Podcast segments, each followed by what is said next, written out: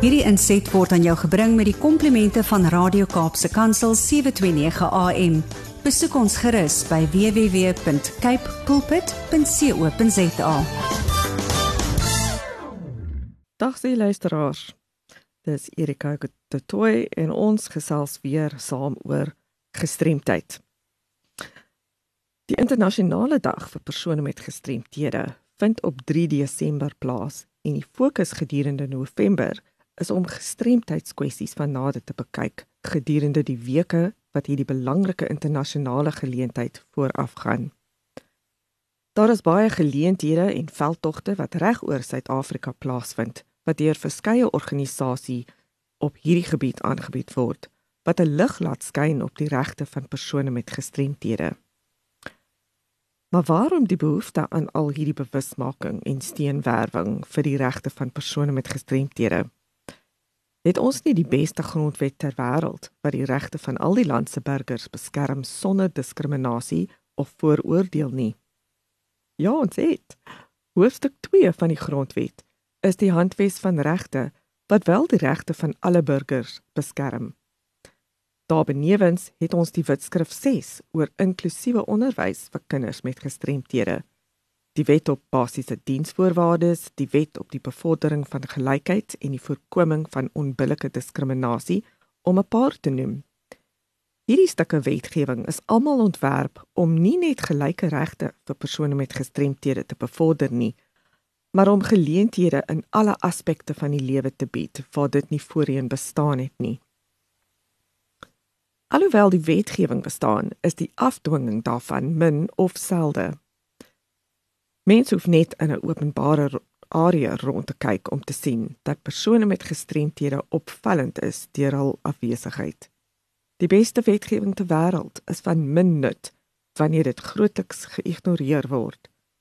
Geboue word steeds opgerig wat 15% van die bevolking heeltemal uitsluit.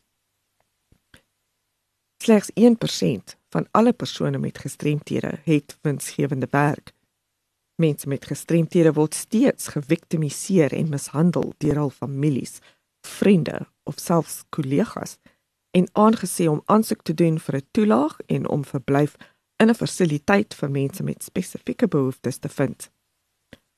Bekwame mense het dikwels min of geen idee van hoe om met iemand met 'n beperking of 'n gestremdheid te kommunikeer nie. En verkies dus eerder om voor te gee dat die beperking of die gestremdheid nie bestaan nie. Dit is algemeen bekend onder persone met gestremthede dat die enkele hindernis wat die meeste betrokkenes strem of gestremd maak, mense se houdings is. Wetgewing en die afdwing daarvan is iets wat bepleit moet word. Mense se houdings aan die ander kant is baie moeiliker om te verander. Niemand word bevooroordeel of diskriminerend gebore nie. Dit is 'n aangeleerde gedrag wat van kleins af aan ons geleer word. Houdings word met die verloop van jare gevorm en ons erken dat dit baie jare kan neem om hierdie stereotypes en wanpersepsies te bekamp. Die eerste stap in die proses is sekerlik om te erken dat persone met beperkings of gestremthede eerstens mense is wat toevallig 'n gestremdheid kan hê.